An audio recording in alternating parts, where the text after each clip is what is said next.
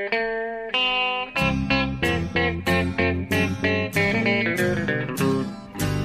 out there, we're on the air. It's hockey night tonight.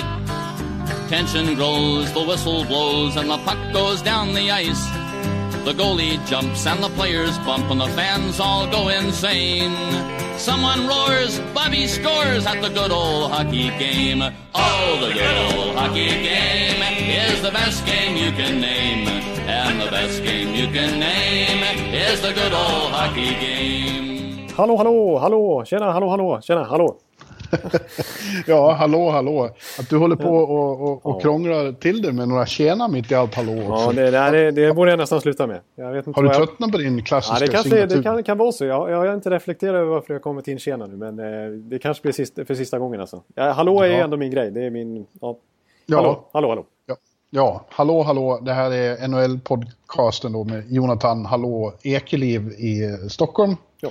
Och mig, Per Bjurman, i New York. Eh, för första gången i november 2017 ska vi spela in podcast. Och eh, det är avsnitt nummer 170. Så lite, lite halvjämnt och fint. så. Ja, ja, någonting fall. ja. Ja, Och eh, det är en speciell, det har ju eh, blivit sent då eh, inspelat här för att Ekeliv, herr Ekeliv jobbar och har ett väldigt tajt schema och tung arbetsbörda. När vi skulle ha börjat för någon halvtimme så ringde jag och då sa han ah, det kommer en sen grej från Östersund, jag hör av mig.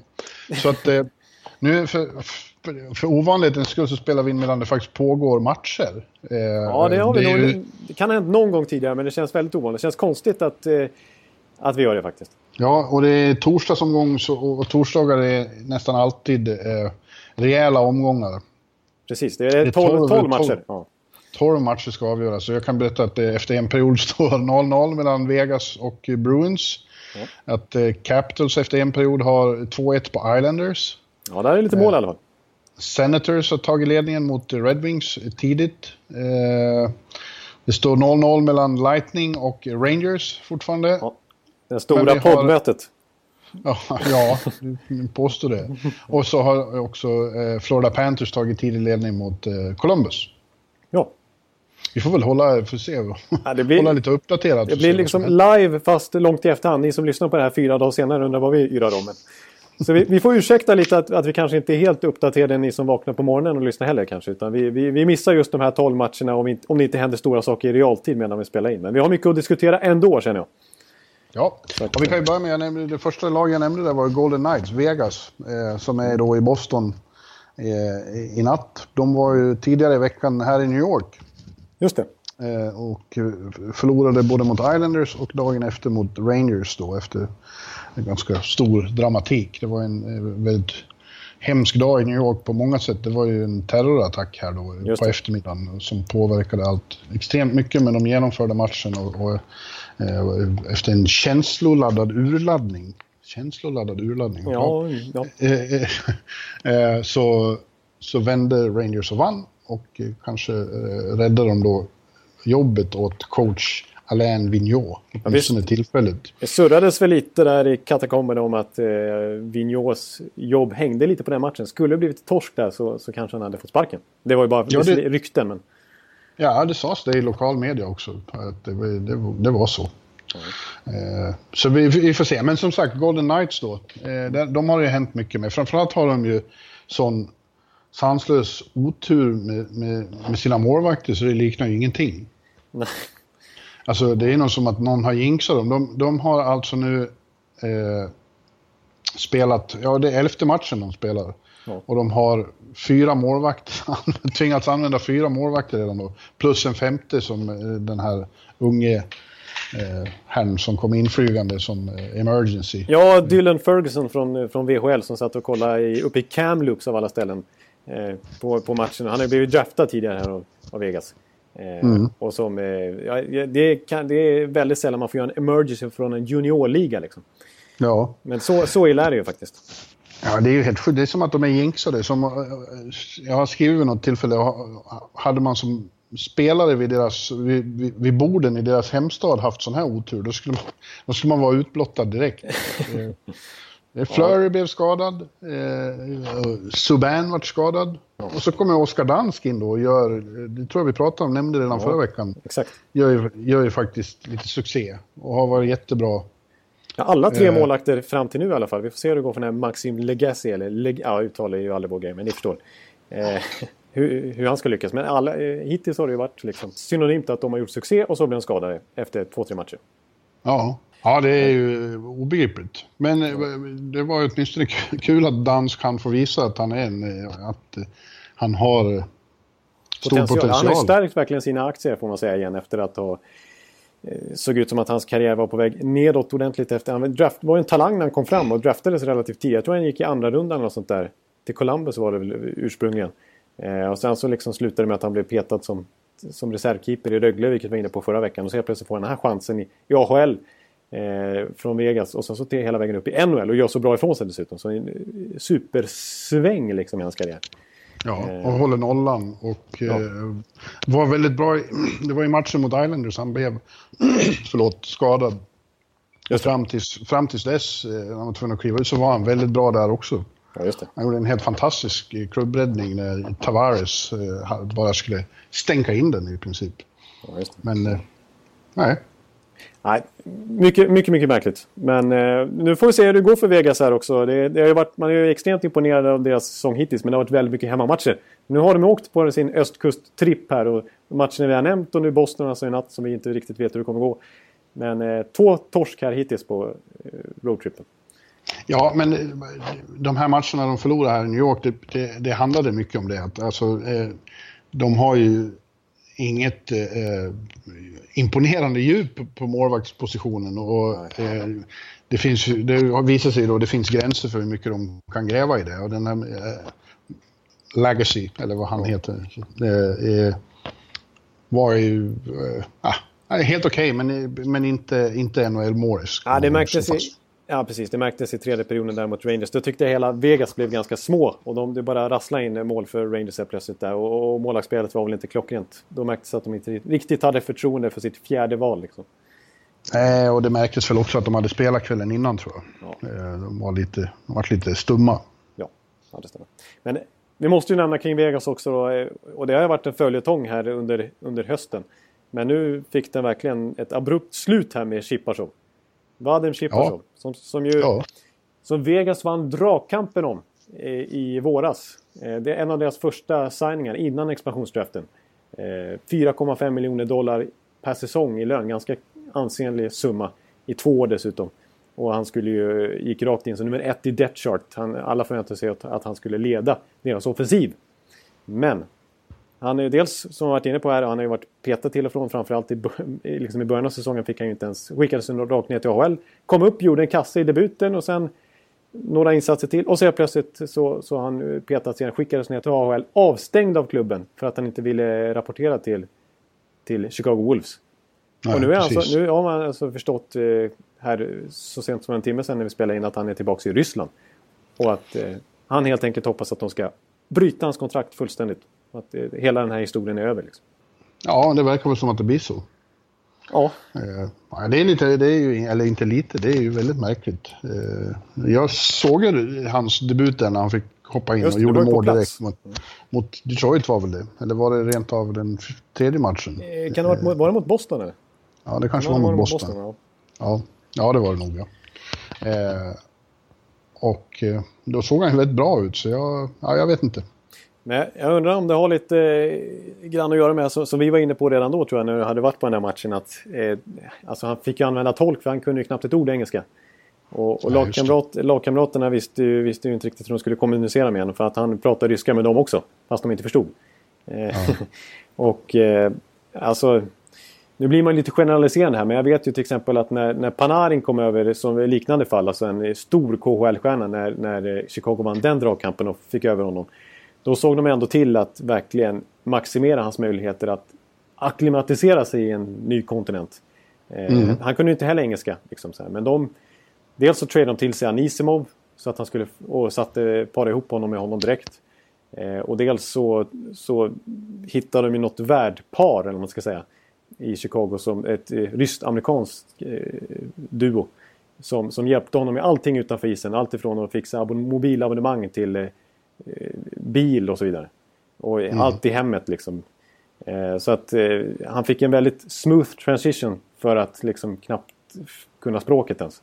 Eh, och det tror jag hjälpte honom väldigt att kunna etablera sig så snabbt. Medan Chipachov då ja, han slängs in i en helt ny stad, i en, i en stad som Vegas dessutom, allt innebär. Ja, de, de... Inte, inte världens mest normala stad. Nej, precis. Jag tror inte riktigt Vegas hade liksom, de har haft så mycket att tänka på så de har liksom, de har inte liksom... Nej, de, de hade inga riktiga förberedelser för det. Och, och nej. Liksom, eh, nej, så verkar det ha varit. Ja, och, och, så blev det som det blev och så började de bra och så tänker de att nej, vi behöver inte ha Chipachov. Och det tror jag är dumt. Jag, man, man, undrar ju lite vad McPhee håller på med. Alltså, Visst, det, går, det, är svårt att klaga på Vegas lagarmaskin än så länge och vad Galant har gjort med här, den här truppen. Men McPhees expansionsträff när han, när, han, när han valde att ha massa backar istället för målvakter till exempel. Mm. Och eh, hans, han har inte lyckats trada iväg så många backar. Nu har han fått wava både Reinhardt och Garrison till exempel. Eh, så att, ja, och nu spelar ju Shea Theodore i alla ja, fall. precis. Han har kommit upp i alla fall. Men den här Chipachov-historien är ju inte klockren känner man eh, ur ett managementperspektiv heller. Nej. Eh, och faktum är att jag tror att det är lite komplicerat här också med att han ska terminata hans, kontrakt. Jag tror, det, är, det är inte bara att säga upp det sådär utan ja, vi ska inte gå in på regler där men det kan kosta en hel del pengar ändå för, för, för, för Vegas där. Eh, och det som man verkligen slänger i sjön. Eh, ja. För tre matcher. Han fick ju knappt chansen de matcherna heller. Han kom han upp i 30 minuters istid totalt. Eh, och presterar ändå rätt bra under de, de tiden. Så att, ja, jag tycker det är märkligt agerande från, ja, från början till slut. Theodore spelar inte ikväll kan vi då. Ja. McNabb, Engeland, Miller, Spisa, Hunt och Schmidt. Hunt ja. tillbaks då. Ja. ja. Jaha. Ja, det, det... Kan, kan också meddela att, att uh, Senators tidiga mål på Detroit var tydligen bortdömt av någon anledning. Så nu står det 0-0 igen i Canadian Tire Center. Det är väldigt ovan podd här när, när man varvar liksom diskussioner med live-rapporteringen. Ja, fast det blir ganska bra, bra övergångar. Ja, ja. Men det är som sagt, Florida spelar ju här ikväll också och där har ju han en kompis, eller hur? Eh... Ja, alltså han har ju eh, sin gamla radarpartner i SK Sankt Petersburg, Evgenij Dadonov. Mm. Eh, och Båda har ju öst in poäng, men Chipachov har ju varit kanske ännu lite större stjärna hemma i, i, hemma i Ryssland än Dadonov. Men faktum är att Dadonov har ju lyckats, å sin sida, otroligt bra i Florida. Eh, ja.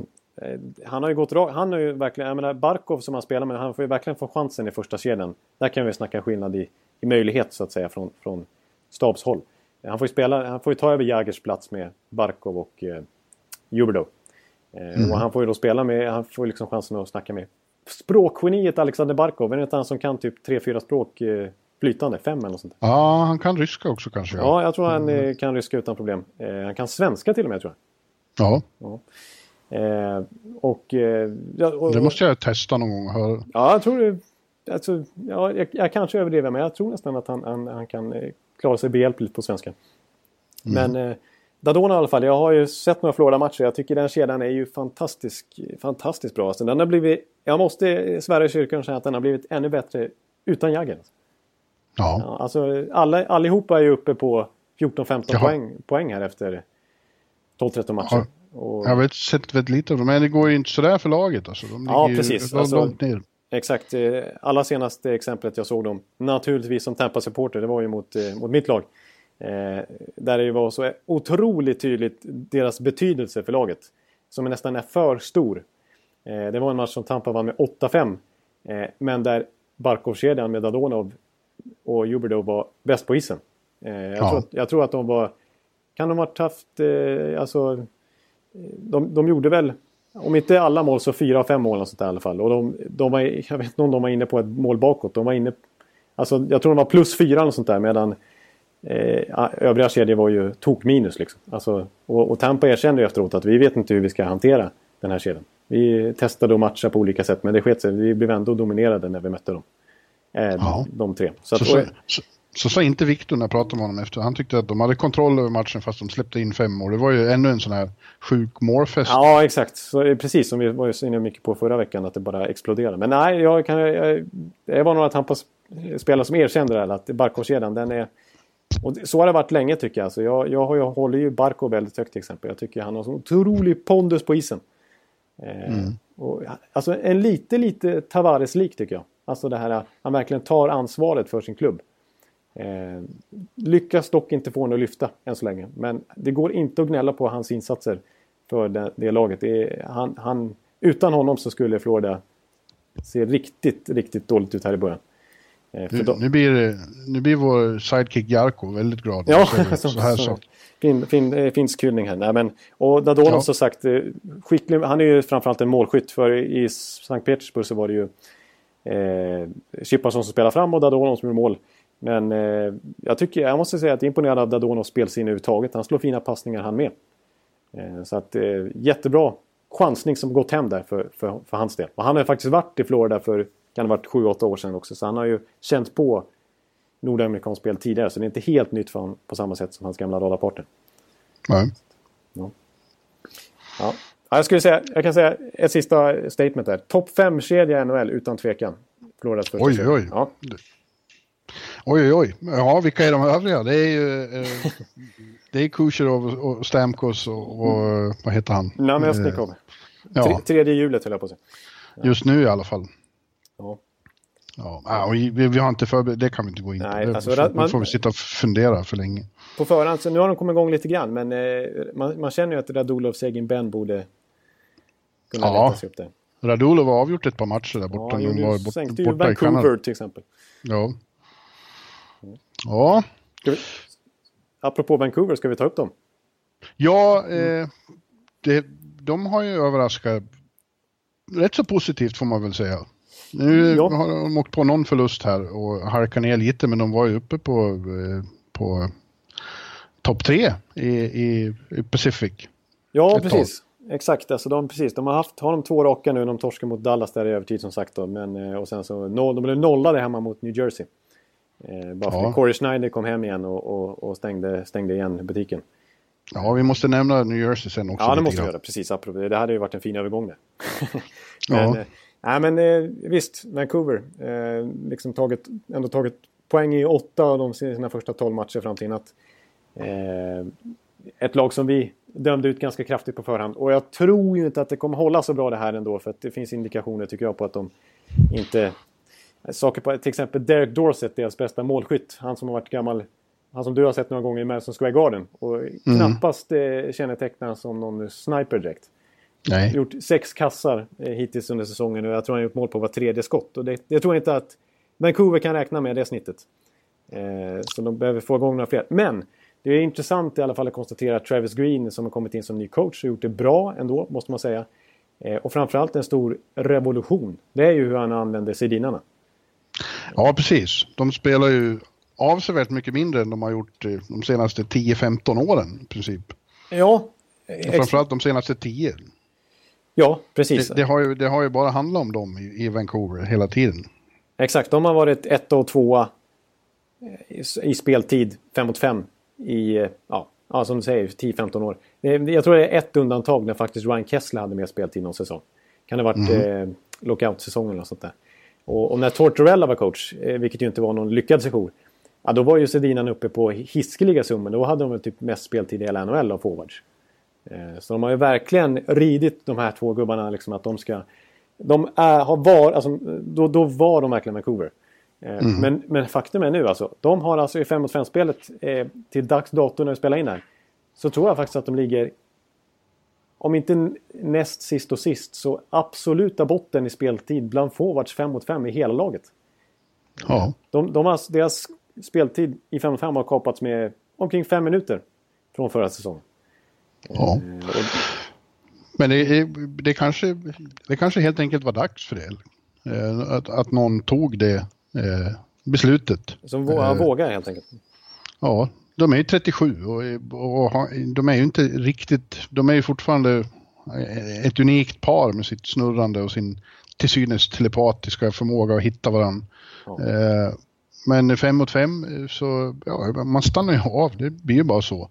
Ja. Eh, och, eh, de, ja, nu när du har siffror så utgår jag från att de får mer tid i powerplay. Ja, exakt. Nu har jag visserligen inte powerplay funkar så bra bara för det, men eh, Men ändå, de, det är, så är det ju. De är ju, de är ju nästan renodlade powerplay-spelare sett, ja, alltså jämfört med tidigare i alla fall. Mm. Eh, och det man däremot kan säga i alla fall det är att när de nu har mindre speltid, alltså totalt sett om man slår ut även eh, powerplay-spel så lirar de kanske kring 14-15 minuter match. Eller om det är mindre än så till och med, 12-13.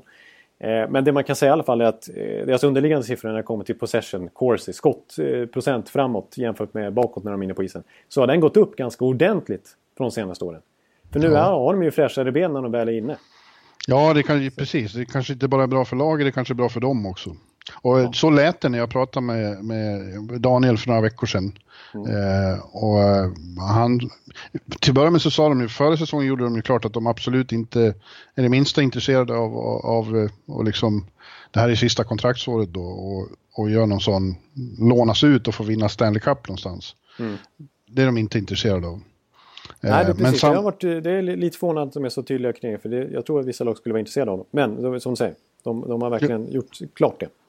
Ja, de är Vancouver liksom. Det är hemma och det är bara där de vill spela. Ja. De kommer aldrig att spela någon annanstans. Eh, och, och Daniel sa det att de, de var helt eh, införstådda med och accepterade att eh, mindre roll nu. Att det var viktigt att yngre killar eh, får mer utrymme och ta laget framåt. Ja, och det, det, tror jag är bra för det ser man ju så här att nu är ju Bo Horvath deras lite, lite grann go-to-guy. Mm. Och Brock Besser som vi snackade upp inför säsongen och som Vancouver Media var lyriska över eh, ja, under senaste halvåret kan man väl säga. Och under campen när han verkligen stod ut. Han är ju, ligger han på en poäng per match, typ nio poäng på nio matcher hittills. Och sånt där. Eh, så de, de är ju lite, har ju lite spännande på gång liksom. Ja, eh, och så, men så har de också väldigt bra målvakter tycker jag. Ja, det, det, tycker jag vi kan få... Då är vi lite blågult färgade men vi, vi, måste ju få säga det för att de har öppnat förtroendegivande båda två. Ja. Ja, det är Markström som drar huvudlasset och han har varit... Eh, ja, det jag har sett så har han varit väldigt imponerande. Men ja. även Anders Nilsson då som är backup. Eh, för andra år, året i rad så bildade han ett helsvenskt eh, målvaktspar. Han var ju Buffalo med Lener förra året. Just det, precis. Nu, nu, är han med Markan och eh, ja, det har ju gått jäkligt bra för honom också. Han höll ju nollan här. Sin första match för nya klubben. Ja just det, och så han, han har ju återigen imponerande räddningsprocent. Alltså har han haft nu i, i år igen. Han har ju verkligen som backup till Lener i fjol och nu igen ligger så här kring... Nu är det bara gått fyra matcher för honom och sådär men nu är så 94 procent. Det är liksom... Och förra året var han ju uppe kring 92-93 hela säsongen. Liksom. Ja. Eh, så att eh, han gör... Och det, nu kan jag komma på att vi kan smyga in lite reklam för Stefan Holm, våran eh, bibelreporter var ju och träffa båda två i Vancouver. Så NHL-bibeln är ute i butik nu. Jag tror den är ute i någon vecka till om ni inte har införskaffat en sådan. Både du och jag har ju randat en väldigt mycket där också. Ja. Eh, och, och där har vi ett reportage med Markström och, och Nilsson och de är ju väldigt bekanta sedan tidigare också. De har ju mött varandra redan i TV-pucken. De, jag tror det skiljer så här 35 dagar i ålder typ. Eller 40 dagar eller sånt där. De är ju födda början av 1990 båda två. Eh, precis som jag för övrigt. Fast jag är född i slutet av 90. Fick jag skicka in det också, det är mycket parentes här. Men, eh, och, de, och de var ju JVM målvaktspar också för några år sedan. Så att eh, de verkar trivas ihop och spåra varandra. För jag, jag, tycker man märker på Markström att han, han, han ser rätt bra ut nu också. Han har väldigt pondus. Alltså så här, han är ganska... Han är, han är rätt... Han är rätt aggressiv i målet på något vis. Alltså, ja. Han utmanar skytten ordentligt och han är ute och snurrar bakom målen och ut, långt ut i zonen och ska spela pucken och grejer. Han har, han har självförtroende. Han känns som en bona fide NHL-keeper, helt klart. Ja, det, och det, det, det, han har ju verkligen getts den chansen nu också. Ja. Eh, med det kontraktet och så vidare. Mm. Ja, men eh, vi får se då. Du, eh, det är alltså, kanske svårt att se att de ska ta sig till slutspel alltså, ändå. Men, jag, jag tycker... Men, men, ja. De har börjat bra förr, eh, Jonathan, och sen fallit tillbaka. Ja, det finns viss risk för det. Jag tror verkligen att det blir så. Jag tror inte de kommer att, att de är för svaga än så länge och deras generationsväxling är inte tillräckligt långt gången för att eh, nya spelare ska kunna bära det här. Men det är bra beslut av dem att gå vidare från Sedinarna nu och fördela speltiden på det här viset. För på sikt kommer, kommer det att gynna dem. Men de kommer inte gå till slut på den här säsongen. Nej. Ja, då har vi det sagt. Ja. Det ja, det är väl lika bra uppdatering. Jag kan berätta att Bruins har gjort mål på eh, Vegas. Eh, Riley Nash heter han väl? Ja, Riley Nash, en German. Ja, så det är 1-1 mellan Florida och, och Blue Jackets. Mm. Ja. Nu ja, det, det är 2-1 ser jag nu. Det är 2-1 till Columbus. De har vänt. Ja. Precis ja. nu. Josh ja, Anderson. Josh Anderson. Båda, mål, båda målen, ja. ja. Mm. Eh, och så står det fortfarande 0-0 mellan eh, eh, Tampa och Rangers. Det var väl lite oväntat i slutet av första. Jag kan varna jag känsliga... Jag trodde, jag trodde Tampa skulle köra över Rangers totalt. Ja, det står 9-6 i skott säger jag till Rangers. Jaha.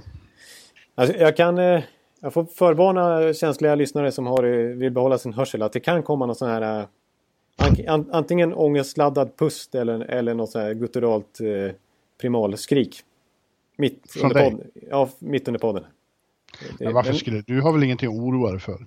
Nej, men det, det, det är liksom, jag kan inte kontrollera mig när det, när i sådana här fall. Men, det, men eh, så jag, jag, vill bara förvarna så att det inte blir chock. Ja, men det är snart paus så att eh, vi får en, eh, vi, vi, då, då slipper vi förmodligen det. Men eh, New Jersey skulle vi ju nämna också. För vi, vi ja, vara lite som... mer positiva den här veckan. Vi var ju så negativa. Ja, som sagt, som, som nollade då Vancouver häromdagen, trots allt. Mm, mm. På bortaplan. Och ja, jag tror vi har kanske nämnt det någon gång, men jag tror det är officiellt nu att New Jersey är for real. Det är fortfarande, vi är ju långt ifrån eh, Thanksgiving fortfarande när du säger att tabellen eh, har satt sig. Ja. Men eh, det är ju inte bara det att New Jersey har eh, framgång, liksom, utan de spelar ju så bra. Eh, de spelar, ja. klubbarna, laget har fått en helt ny identitet. De är kvicka och de är vassa och de, är, liksom, de spelar modernt. Ja, de spelar modernt. Det tycker jag är rätt term. Ja. Och sen är de ju hungriga liksom. De har så många spelare som vill framåt. Ja. Alltså, och, ja, jag, jag är imponerad över... Jag, jag, nu, nu, nu blir jag sådär lite djävulens advokat igen höll jag på att säga. Men, och är lite negativ. Men, men eh, eh, jag, jag, tror också att deras hunger och deras intensitet kommer att tackla av lite när vi närmar oss omgång 40, 50, 60. Eh, för jag, jag, tror det blir svårt att upprätthålla den här forecheckingen de levererar kväll efter kväll. En sån som ja. Jesper Bratt verkar outtröttlig så här inledningsvis. Och bara ja, fortsätter men varför och, inte? Ja. Så ung som han är, varför ja, skulle han tröttna? Exakt, det är ju pigga ben, pigga ben. Det är ju Duracell-kaniner, många av dem. Ja, och i helt i enlighet med den där eh, moderniteten då så har de ju bestämt sig för att både Jesper Bratt och eh, draftettan där, Nico Hischier, de blir kvar. Eh, det var ju snack om att de kanske skulle Eh, efter nio matcher då, skicka ner dem i juniorliga, men de hör till lagets viktigaste spelare och fortsätter resten av säsongen och eh, kontraktet kickar in då. Ja, exakt. Ja, det, är, det, det är kul, kul trend, alltså som man verkligen eh, alltså, varit inne på i några år nu, men som bara blir mer och mer uppenbar tycker jag. Eh, och, alltså den moderna spelaren, jag tycker Jesper Bratt är nära att, att nästan sätta alla former i den mallen. Alltså att mm. verkligen eh, perfekt platsa där. Eh, alltså är, man måste inte vara storväxt, man kan vara lite mindre. Eh, men man ska vara snabb som bara den. Man ska vara intensiv. Och man ska ha skill. Ja. Och man ska kunna spela båda ändar. Man ska kunna spela boxplay, powerplay. Liksom. Han, han, han gör ju det mesta liksom. Eh, det är, alltså Viktor Arvidsson är mer extrem liksom, för han är ännu mer Duracell-kanin och kanske ännu lite snäpp till i, i, skill och så vidare. Men jag tycker det är lite åt det hållet. Den typen av spelare såg vi inte i NHL för tio år sedan, eller fem år sedan nästan. Nu dyker de upp här och där, hela tiden. Ja, och vad gäller hans skill, såg du straffen han slog? Ja, det är sant. Att, Precis. Eh, här, det går inte att klanka ner på hans skill efter att ha sett den. Nej, den var iskall. Och jag pratade med honom efter och han är ju så liksom det spritter Han är så glad över att vara här. Eh, och, och liksom det här beskedet att han ska vara kvar. Han, han, han var så lycklig så det gick inte att... orden snubblade liksom. Ja. Som på en hel ekeliv. Piss! 1-0. Skit! oj, oj, oj. Ja, ja. Jag undrar vad fan sitter du och säger? Ja. Nu blev det explicit eh, markering på podden. Men eh, Chris Kreider har gjort 1-0. En, en, spelare som det har surrats lite om tror jag i Madison att eh, kan vara på trade-listan nästan. I alla fall andra lag har börjat höra sig för om honom. Eh, det tycker jag vore ett misstag av Rangers att skicka iväg honom. Men han har gjort 1-0. Ja, de hade fullt med folk i Ottawa häromdagen. Eh, ja. hela, hela högre ledningen var i Ottawa och tittade på någon. Ja, just det, precis. Mm. alltså, Ottawa är intressant. Dor, jag tror Pierre Dorian har ju varit och general managern i, i Ottawa har ju varit på Rangers matcher också. Ja. I alla fall en. Eh, och eh, nu, nu läste jag här i, i natt, det kanske folk som lyssnar har mer svar på när, när det kommer mer detaljer. Men det är alltså 22 stycken scouter från 20 olika lag eh, på plats på Ottawa Detroit i natt. Jaha. Det är ja. ju verkligen inte hört till vanligheterna att det är så mycket folk. Nej, det verkar vara något på gång. Något på gång. Kan det vara Kyle Turris och sådär? Ja, där, ja. Erik Karlsson. Ja, Erik Karlsson. Det är bara att skicka. Nej, det, men eh, nej, jag tror Kyle Turris kanske. Han har ju ändå, han har utgående kontrakt. Eh, och ska, vill ju ha rejält med Dolares som jag har förstått det också. I ett ja. budgetlag som Ottawa kanske inte väljer att satsa på honom. Ja, ja, det var en eh, parentes. Eh, men mm. jag tycker vi kan nämna, vi måste komma in på när vi ändå är positiva här. Så, så, så ett lag som vi dömde ut inför säsongen lite grann. Men som alltså när vi, de, de leder ju NHL just nu eh, inför torsdagens matcher. Det är ju St. Louis. St. Ja. Louis Blues. Ja, och de hade vi, trodde vi inte särskilt mycket på före säsongen. Framförallt inte du, men inte Nej. jag heller så jättemycket. Men du hade dem till och med utanför slutspel vill jag minnas. Ja, jag hade dem ju näst sist i Central Division. Ja. Att, eh, ja. ja, det är jätteimponerande med, med, med tanke på att de har ju haft en del tunga skador också. Och har fortfarande. Ja.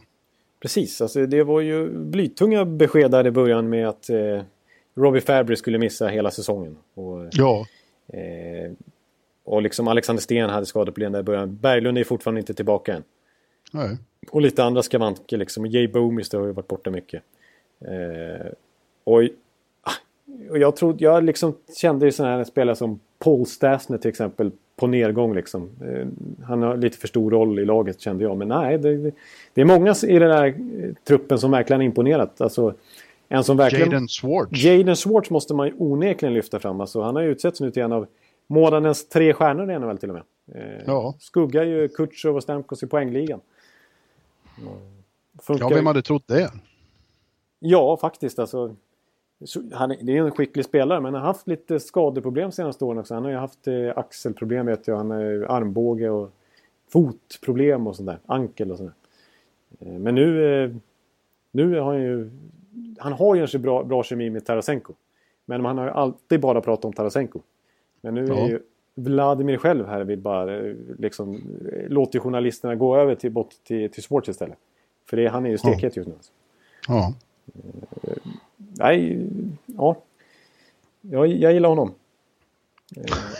Ja, men jag gillar honom. Det är lite så typiskt St. Louis draftval också. Det, jag kommer ihåg när de tog TD Oshie var lite oväntat för, för det är tio år sedan nu det var inte så många som trodde han skulle gå i första rundan. En amerikan och så plockade man honom. Och samma sak med Schwartz, han var väl också amerikan. Spelar någon sån här US, USHL eller någon sån där liga, lite mindre. Eh, och, och de plockade han tidigt i draften.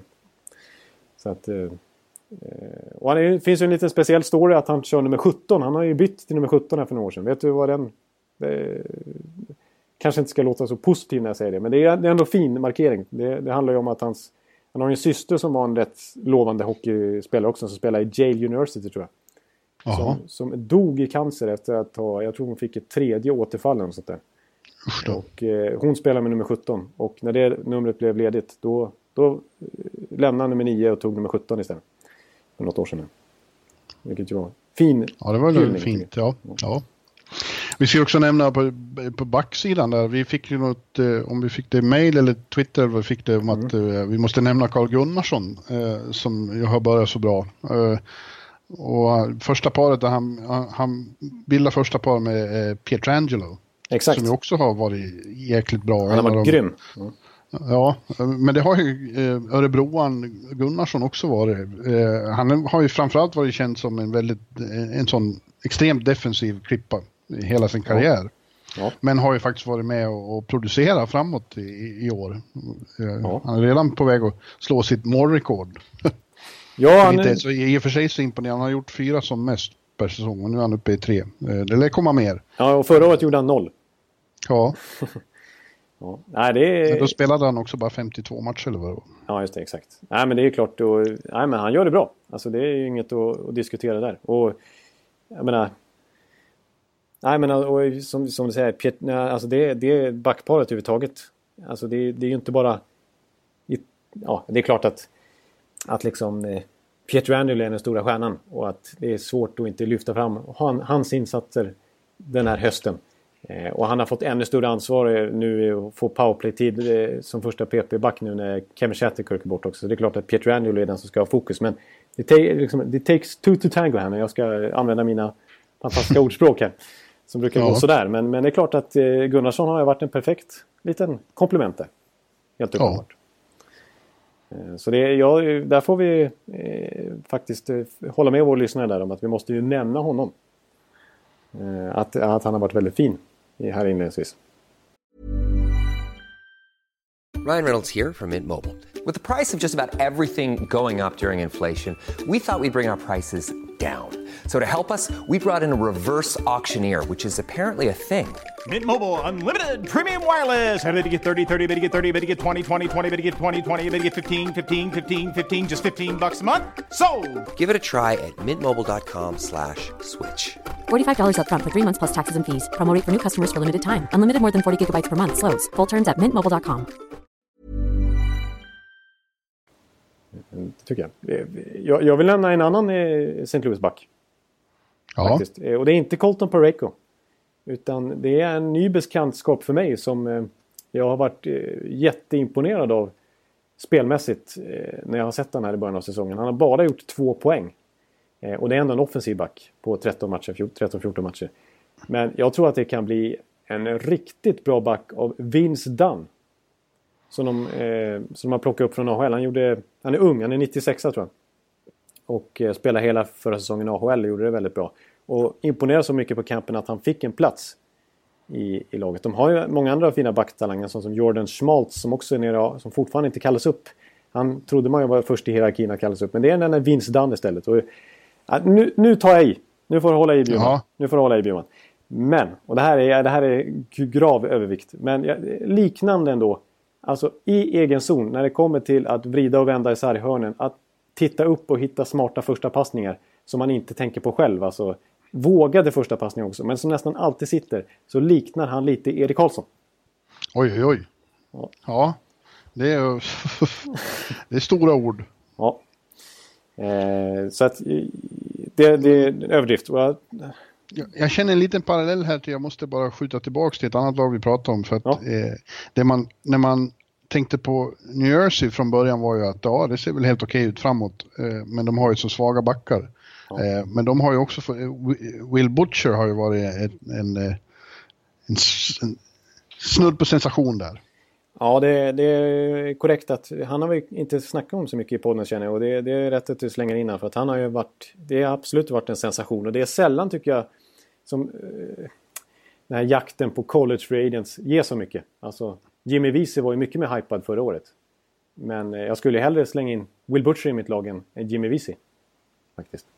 Eh, ja, kanske. Ja. Alltså, det, det, är ju snabbt att konstatera det. Men, men eh, han, har varit, han har varit väl värd pengarna och jakten på honom att, för New Jersey. Det har varit en perfekt investering för dem. Ja, det känns som att man liksom hjälpt till att armera det försvaret där. Eh, och ger dem en ny dimension. Alltså, de har länge sedan de hade en riktigt bra offensiv back.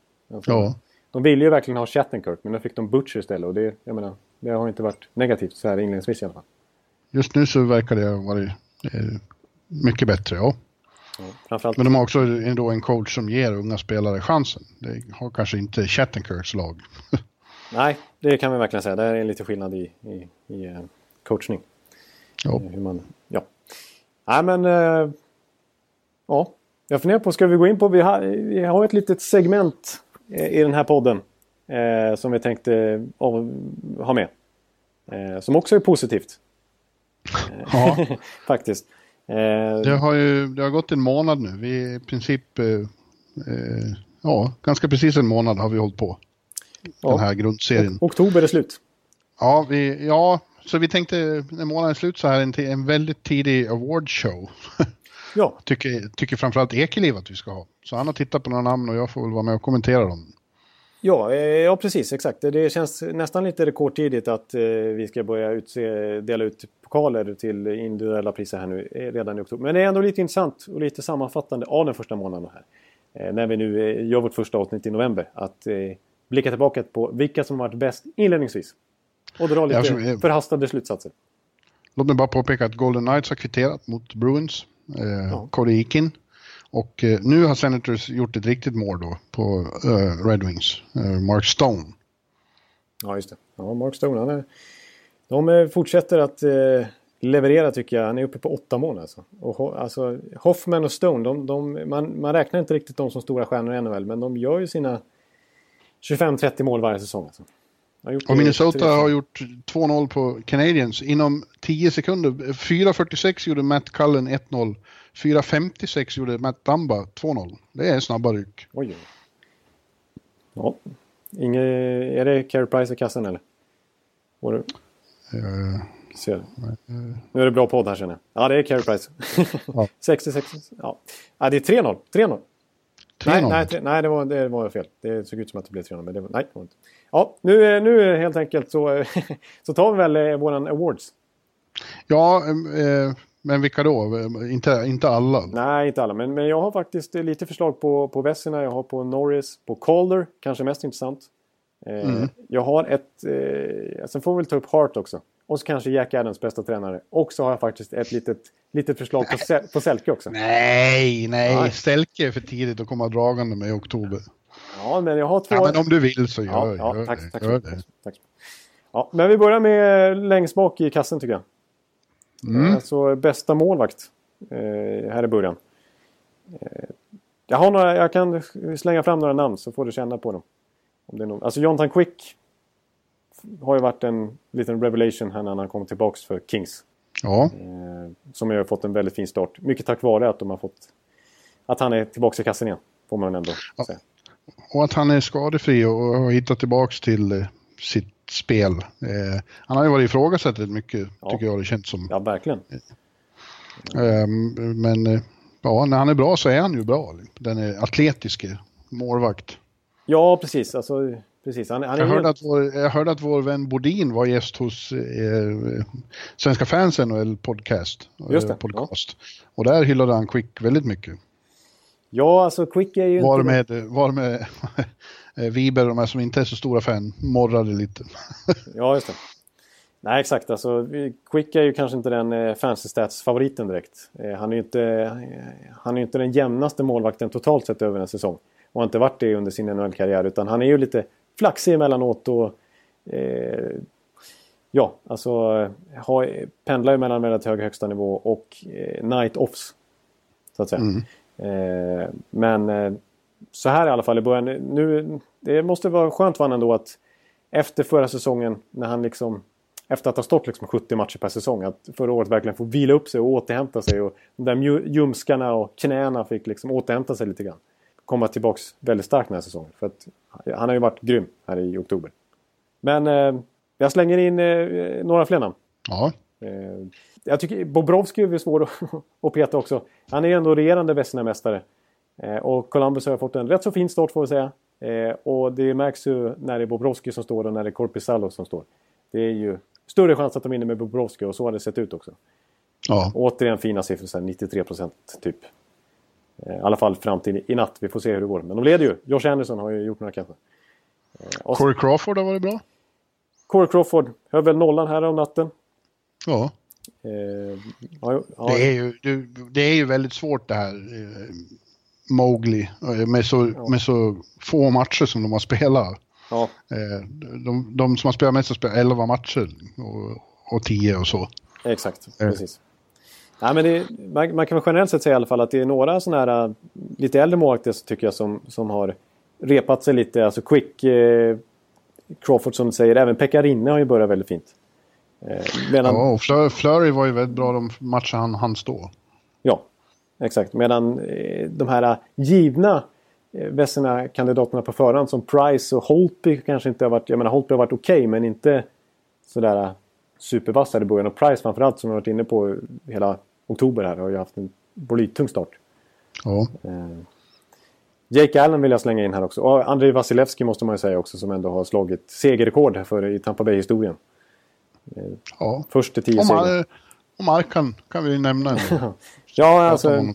positiv eh, överraskning. Så att, eh, men eh, ja, skulle jag utse någon så tar jag nog ändå Quick. Där Ja. i oktober. Ja. Men eh, Norris Trophy. Bäste back. Ja, vänta, jag ska bara läsa ett, ett Twitter jag såg från din vän Sven i, i Tampa. Ja. Alltid speciellt att åka hiss i Amalie Arena. På våning tre kliver Scotty Bauman ur. På våning fem kliver Phil- Phil Esposito in. Esposito.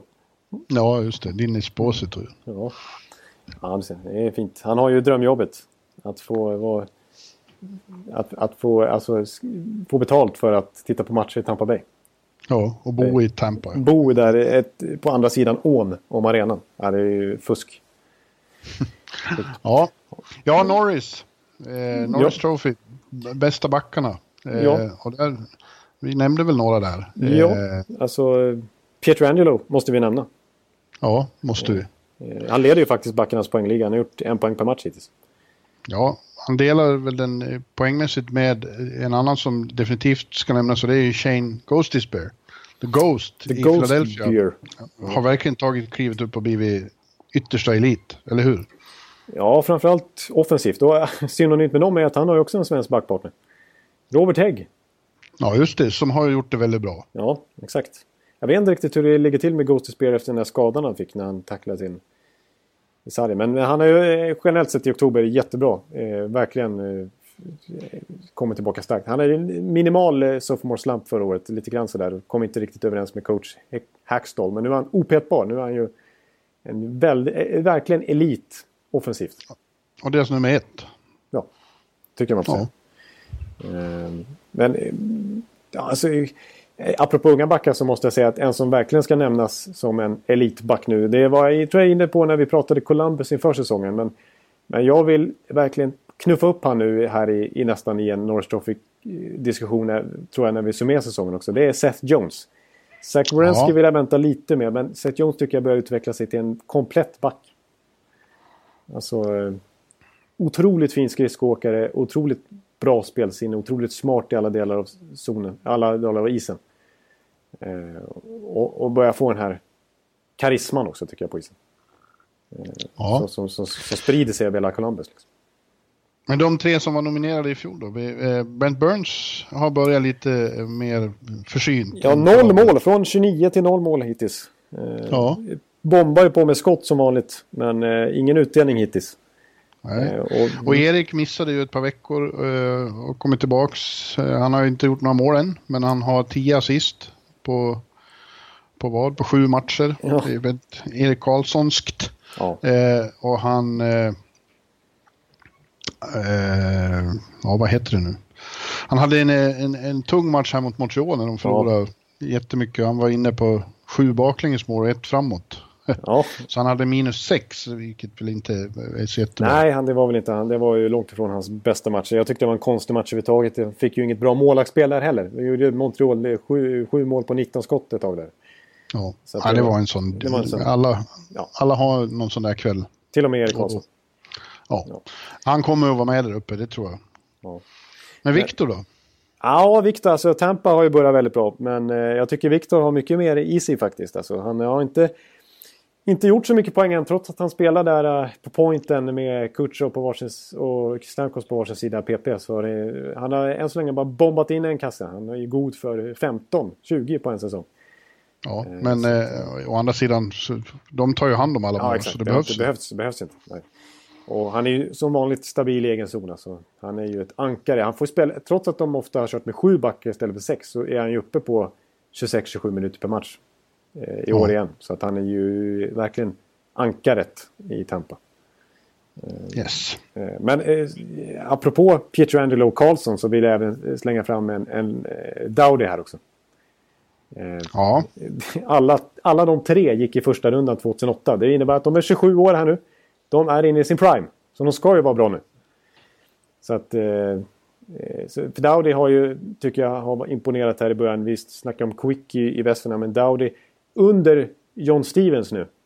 Så har det faktiskt märkts skillnad. Trots att han har varit högra handen till Sutter där i många år. Så, så har han satt sin prägel lite grann på det här Kings. De är fortfarande väldigt possession-starka. Men lite mer lössläppta. Lite friare Ja. tyglar. Lite större möjligheter för Dowdy att följa med i, i, i rushen och så vidare. Och det har ju märkts på hans poängutdelning också. Så att... Eh, eh, Dowdy tycker jag ska, man ska lyfta fram också. Jag har alltid varit ett fan av han också i egen zon. Alltså när det kommer till, han har ju en enormt hög passningsprocent, Dowdy. Eh, otroligt säker. Pålitlig för en coach. Så att, eh, men jag säger Pietro Angelo är mitt eh, förslag efter första månaden. Ja, låt mig också bara skjuta in att vad gäller svenska backar så är det faktiskt eh, John Klingberg nu som leder svenska backligan i poäng. Ja. Eh, i, och eh, ja, det är ju också anmärkningsvärt. Ja, nej, men han har gjort det bra. Han, han, han, han har ett väldigt fint 2017 överhuvudtaget. Alltså skulle man bara räkna poäng 2017 så, så tror jag han ligger rätt bra till i hela NHL, alltså bland backar. Eh, gjorde en stark avslutning efter en väldigt tung höst förra året. Och sen var han med om en VM-guld med Tre Kronor och sådär. Så att han eh, har självförtroende igen. Ja. Så att, eh, han kan man också läsa om i NHL-bibeln faktiskt. Han, eh, ja. Men... Eh, Ja, honom träffar du, eller hur? Ja, jag träffade han i, i Stockholm där. Precis. var hemma. Så att, eh, då, var, då snackade han lite grann om att han till och med var rätt... När han blev petad där förra säsongen så var han eh, på allvar lite trött på hockey. Alltså. Han är... Eller trött på hockey, ska, nu lägger jag ord i hans mun här. Men han var liksom... Nej, han hade ingen gnista just då. Så han ändrade lite mindset så kom, hit, studsade han tillbaks och så vände säsongen. För. Så att, men eh, men eh, vi tar Calder. Ja, Cal-. Calder säger man snarare på amerikanska. Calder Trophy, ja, och där är det ju faktiskt så att eh, det är din favorit som är, står ut, verkligen. Ja, jag tycker det är rätt många rookies. Det har ju snackats om ett svagt rookieår på förhand. Framförallt mo- mot vad man har vant sig vid senaste åren med McDavid och... Ja, men jag tänker framförallt på din favorit Ja. Clayton Keller då i Ja. Arizona. Ar- Arizona går det ju verkligen inte bra för. Nej. De har det inte kul. De, de tog äntligen sin första seger borta mot eh, Philadelphia. Men sen har de förlorat igen. Men ändå så är han den rookie som, som gör mest poäng. Han har nio mål och sex assist. Eh, och det är ju eh, väldigt anmärkningsvärt eftersom han spelar i, ja, eh, låt oss säga så dåligt lag. Då. Ja, sämsta möjliga så här inledningsvis på säsongen. Men eh, nej, han, jag tycker jag är, han nästan överträffar mina förväntningar. För det var ju min Calder-favorit inför säsongen. Det sa jag ju redan i juni tror jag. Ja. Eh, för att man, man, han var ju väldigt fina indikationer i VM och hela hans college-karriär liksom. Eh, så trodde man väldigt mycket på honom. Men nej, jag, jag tycker han, alltså, hans, det känns, alltså, han, han har sån teknik tycker jag. Alltså, sån, sån känsla i klubban att det känns som att, han, att hans nervtrådar går ända ut i klubbspetsen. Liksom. Eh, alltså, han, han är så finkänslig i sin, klubb, i sin puckhantering tycker jag. Eh, och otroligt spelsinne. Alltså, alltså sådär, så att han är lika bra med backhand som med forehand. Det är liksom, hans klubba har inte två sidor utan det är liksom... Han är lika bra oavsett. Alltså han har ingen svag sida. jag. Så jag, tycker, att jag, är, jag tror att, att han kan bli jättebra. Det är verkligen ett, ett ljus i mörkret för Arizona. Eh, och inte minst på sikt. Att de har en sån stjärna i görningen. För det tror jag han kommer bli. ja. Att, eh, Så han, han får väl ändå få pris. Han fick ju pris av NHL här också som, som eh, NHLs bästa rookie i oktober. Eh, Men han är inte ensam. Han är inte ensam. Du, jag måste bara säga, det var besked här om att tydligen har eh, Hedman och Zuccarello eh, haft ett slagsmål i första perioden. Oj! Och bråkat. Det är Eh, ju, det är ju, det, det är ju storartade uppgifter du kommer med. De är ju eh, eh, kompisar från Modotiden. Just det, de är ju gamla lagkamrater gamla i Övik. Men också väldigt, väldigt ojämn i viktklass där. Eh, det- Och framförallt i längd. Det, är- det är liksom eh, fjädervikt mot eh, tungviktaren. Ja, men han är uppstudsig, eh, Zuccarello, och kliver inte, kliver inte undan, hur stora de än är. Ja. Tyvärr verkar det ha gett effekt här alltså. Är... Alltså jag, vill, jag vill ju se den här matchen men jag vågar inte slå på den på datorn här nu för att eh, då tror jag att vårt nät börjar svaja lite. Så att vi får nöja Ja, vi får jag gör ja, inte det. Nej, det, det Utan, du jag- prata vidare om dina rookies du. ja, men apropå eh, Tampa får, måste vi slänga in Mikhail Sergachev. Mm. Eh, Sergachev. Som ju... eh, Ja, jag, jag har ju sett honom väldigt mycket. Jag har ju sett alla Tampa-matcher. Förutom i natt då. Jag har ju inte sett i början här mot Rangers. Vi får se hur det går. Men där, tycker jag att det, det är lite... Alltså hans utveckling. Ja, sällan man ser en spelare tycker jag som... Eh, man kan se när en arena byggs. Och så i efterhand så har de en sån här... Eller en naturfilm. när En blomma som eh, vecklas ut. Och så snabbspolas den. Vad pratar du om nu? Ja, nu, nu, nu snurrar jag in mig. Nej men du ser på en naturfilm när liksom så här, man snabbspolar någonting så man verkligen ser hur någonting Ja, jag förstår. Jag långs förstår. långsamt utvecklas men, men snabbt. Och så, så tycker jag lite med Sergachevs utveckling att man har sett från match till match till match till match. Ibland från byte till byte till byte att han gör bättre och bättre och bättre ifrån sig.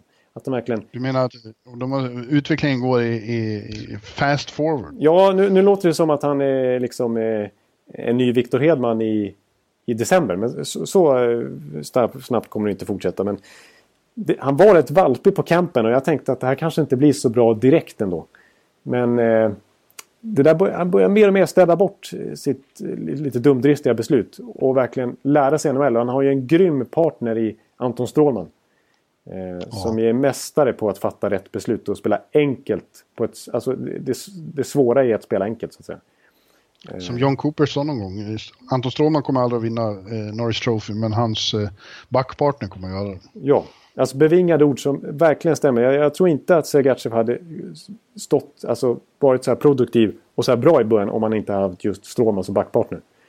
Eh, så att eh, han är uppe på 11 poäng som back. Mer än faktiskt en Drouin. Det är lite taskigt att dra en jämförelse så här efter någon månad bara. Men väldigt positiv överraskning. Och klart nämnvärd här som en av bästa rookies. Sen, en, en annan back är ju Charlie McAvoy. Som är den, den rookie som får mest speltid av alla. Han är uppe på så här 23 minuter per match. Och verkligen redan nu en nyckelspelare för Boston. Eh, och en av favoriterna naturligtvis inför säsongen att få Calder. Men eh, han har varit jättebra tycker jag. Högt fint poängsnitt så här inledningsvis också. Men eh, har nästan halvt om halvt petat lite Torrey Krug i powerplay också. I alla fall fått mycket speltid där. Så att, Ja, men det såg man ju när han klev in i slutspel direkt från, från collegehockeyn i, igår, att det är något speciellt med honom. ja, exakt. Så det, han har inte gjort någon besviken hittills tycker jag. Nej, men vi har också haft, eh, det är några svenskar med där. Som Ja. Jesper Bratt som vi har pratat om, är med högt upp. Och även Adrian Kempe räknas ju fortfarande som rookie och han eh, kommer kanske att blanda sig in i den striden om, om LA fortsätter så här bra. Ja, precis. Exakt. Och nu får, alltså, för hans del så är det inte negativt att Jeff Carter har gått sönder. För nu, nu öppnas det upp en, en centerplats där i andra serien. Och han har ju varit den, mest, den stora positiva överraskningen här i, i, bland de nya spelarna här i, i Kings. Som verkligen skriker efter att få in nytt blod. Eh, att, att deras AHL, gamla AHL-gäng ska, ska liksom etablera sig. Och, och han, eh, han har verkligen gjort det inledningsvis. Vi, vi, vi gav ju han till och med titeln som förra veckans bästa svensk. Efter sina hattrick och mål Ja. mot både Montreal och Toronto. Så att, eh, nej, han har varit eh, stor. Stor positiv överraskning. Och ska absolut nämnas här. Vi har ju nämnt Will Butch och vi har nämnt Brock Besser. Eh, jag tycker vi kan eh, slänga in eh, från New York Islanders eh, Matthew Barzell också. Eh, tycker, Ja. jag, tycker jag har, har kom- kommit igång på sista, sista tre, fyra matcherna. här. Gjort det bra. Så att, men Keller, nummer ett. Yes, absolut utan tvekan. Ja. Ja, Ska vi ta Hart också? MVP första månaden. ja. Och det är ju Tampa-spelare. Ja, det är precis. Nu blir det väldigt... Eh, ja, det, det är nästan så du kan få säga det så att det inte blir för subjektivt. Nej, men jag tycker att det, det är eh, vår vän Kucherov. ja, jag skulle nog säga Kutjerov före Stamkos också. Ja, de är, de, de är ju liksom radarparet då, men eh, eh, framförallt är det Kucherov och alla hans mål. Ja. Eh, de har ju varit otroligt. Ja, alltså precis. Gör man 13 mål på 13 matcher då, är, då tycker jag att man får, får den utmärkelsen så här långt. Ja, Även om, det tycker jag. även om Stamkos har öst in assist också. Eh, Jag, jag skulle vilja slänga fram ett lite, o, inte ovänt, absolut inte oväntat namn, men, men eh, som jag tycker är, varit Hart-mässig i sitt, eh, i sitt spel inledningsvis också. Nu, nu sa jag Barzell som positiv överraskning i Islanders, men deras stora stjärna och som verkligen varit det i början här, trots all spekulation kring honom, det är ju John Tavares. Ja, verkligen. Han har varit otroligt bra. Han, han bär det där laget igen. Jag tror att han är den enskilda spelaren som betyder allra mest för sitt lag just nu. Ja. I alla fall är- nu när Price inte liksom...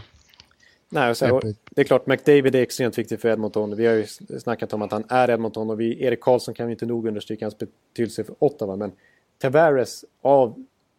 Han är ju, tillhör ju också den kategorin av liksom oumbärliga spelare.